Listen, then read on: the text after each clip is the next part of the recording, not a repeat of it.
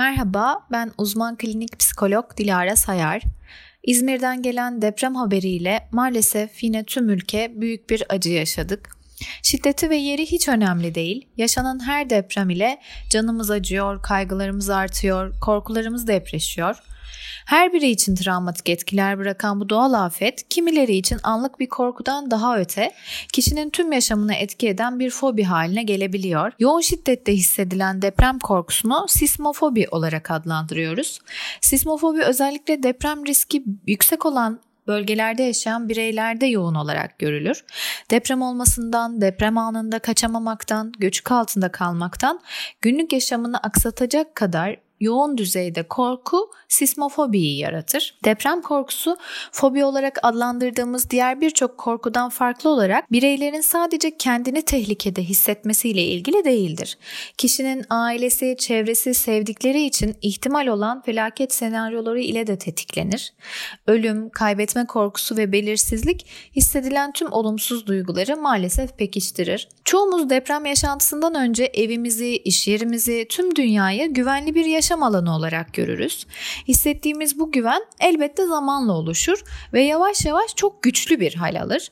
Bu sebeple aniden oldukça sarsıcı bir yaşantıyla karşılaşıp ardından hızla eski rutin yaşamımıza dönebilmek her insan için, her insan ruh sağlığı için oldukça zordur.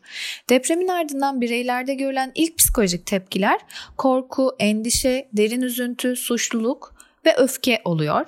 Devam eden süreçte ise uyku ve konsantrasyon sorunları ortaya çıkabilir. Yaşananlar zihinde sürekli olarak canlanabilir. Ani irkilme, ani seslerden yoğun şekilde korkma, iştahta azalma, Deprem dışında hiçbir konu üzerine düşünememe, odaklanamama, sosyal ilişki problemleri, ağlama nöbetleri yaşanabilir.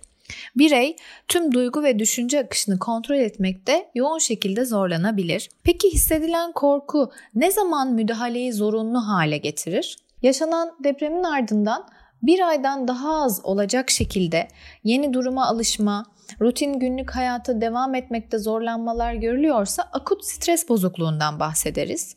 Ya da yaşanan sıkıntılı süreç bir aydan uzun süre devam ederse o zaman travma sonrası stres bozukluğundan bahsederiz. Özellikle travma sonrası stres bozukluğunda yaşanan travmatik olayın zihinde rüyalarda tekrar canlanması, o anı hatırlatan nesne ve durumlardan kaçınma, duygusal katılık, uyku bozuklukları ve öfke nöbetleri görülebilir. Kişinin sosyal yaşamı, iş ve aile yaşamında ciddi bozulmalar yaşanabilir. Bu yaşantıların henüz başındayken vakit kaybetmeden gerekliyse ilaç tedavisi ya da terapi desteğine mutlaka başlanmalıdır. Uygulanacak tedavinin temel amacı kişiye yaşadığı korkuyla veya yaşaması ihtimal olan stres kaynağıyla başa çıkma becerilerini kazandırmaktır. Yapılan müdahalelerin etkisi tabii ki bireyin psikolojik sağlamlık gücüne, yaşına, depremle ilgili zihnindeki kalıp yargılarına, yaşanmışlıklarına, kayıplarına göre değişkenlik gösterebilir. Deprem ülkemizin ne yazık ki değişmez bir gerçeği. Henüz yaşamadan önlem almak elbette önemli. Deprem çantası hazırlamak gibi, fiziksel önlemleri almak gibi psikolojik iyilik halimiz için de mutlaka hazırlık yapmayı öneriyorum. Deprem öncesi, sonrası ikisi için de psikolojik iyilik halimiz için neler yapabileceğimiz üzerine birkaç öneride bulunmak istiyorum. Öncelikli yapılması gereken ilk yaraların sarılmasının ardından yaşanan travmatik olayın kabul edilebilmesi, kabullenilmesi, yaşamın yeniden anlamlandırılması ve mümkün olduğu ölçüde kaldığı yerden devam edebilmesinin sağlanması. Günlük rutin yaşamınızı elinizden geldiğince sürdürmeye çalışın. Rahatlayabileceğiniz ihtimaliyle ani değişiklikler yapmayın, yeni kararlar almayın. Günlük aktivitelerinize küçük küçük yeniden başlayın. Hissettiğiniz duyguları bastırmaya çalışmayın. Nasıl olsa anlaşılmam, anlaşılmayacağım düşüncesiyle Yaşadıklarınızı içinize atmayın. Duygularınızı dile getirmeniz, seslendirmeniz yaşadığınız travmayı hafifletebilir. Bu yüzden hissettiklerinizi fark edin, yüzleşin ve sevdiklerinizle ya da uzman kişilerle mutlaka paylaşın. Hissettiklerinizi paylaştığınızda yaşadıklarınızı önemsizleştiren kişi ve yorumlardan uzaklaşın.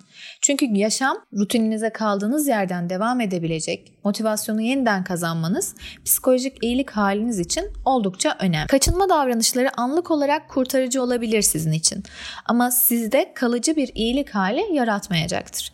Örneğin çocuğunuzla birlikte uyumak, ev kapısını kilitlememek, karanlıkta uyumaktan kaçınmak gibi davranışlara yönelmeyin. Korkularınızın üzerine yavaş yavaş gidin. Eğer ebeveyn iseniz çocuğunuzun sizi model aldığını unutmayın. Sizin duygunuz onun duygusu olacaktır. Zihinsel olarak hazırlanın ve çevrenizi de hazırlayın. Daha sakin ve soğukkanlı kalmak için kişisel ya da ailesel bir planlama yapın. Paniklemek yerine sakin kalmak en güvenli alanınızı oluşturacaktır. Aynı zamanda yaptığınız planlama ile tüm sevdiklerinizin, çocuğunuzun depreme hazırlıklı olduğunu bilmek sizi zihinsel olarak da oldukça rahatlatacaktır. Psikoterapi desteği almaktan lütfen çekinmeyin.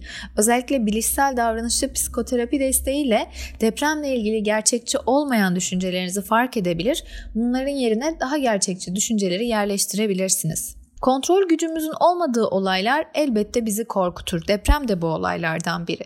Yapacağınız kısa odaklanmalarla korkunuzu baş edilebilir hale getirebilirsiniz.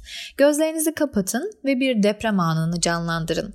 Zihninizin, kalbinizin, bedeninizin neler hissettiğini fark etmeye çalışın. Olduğunuz yerde donup kalma, yaşam üçgeni oluşturma, sakin ve soğukkanlı kalabilme, en iyi kaçış yöntemini uygulama gibi anları hayal edip kendinizi bu anlarda üçüncü bir kişi gibi dışarıdan izleyin. Bir nevi deprem provası yapın.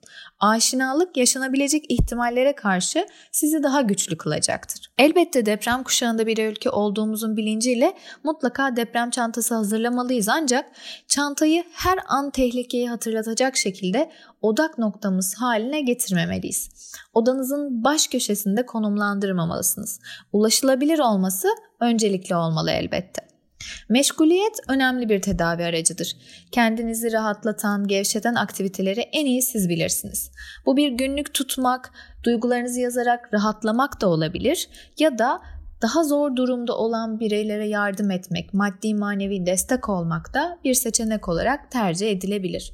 Rahatlatıcı müzikler dinlemek, nefes egzersizleri, gevşeme çalışmaları, meditasyon olumsuz duygulanımlarınızı hafifletmeye yardımcı olacaktır. Başta söylediğim gibi alabileceğimiz fiziksel önlemler gibi fiziksel sağlığımızı korumak gibi psikolojik sağlığımızı korumak da deprem gerçeğinin karşısında güçlü kalabilmek de fiziksel önlemler kadar oldukça değerli.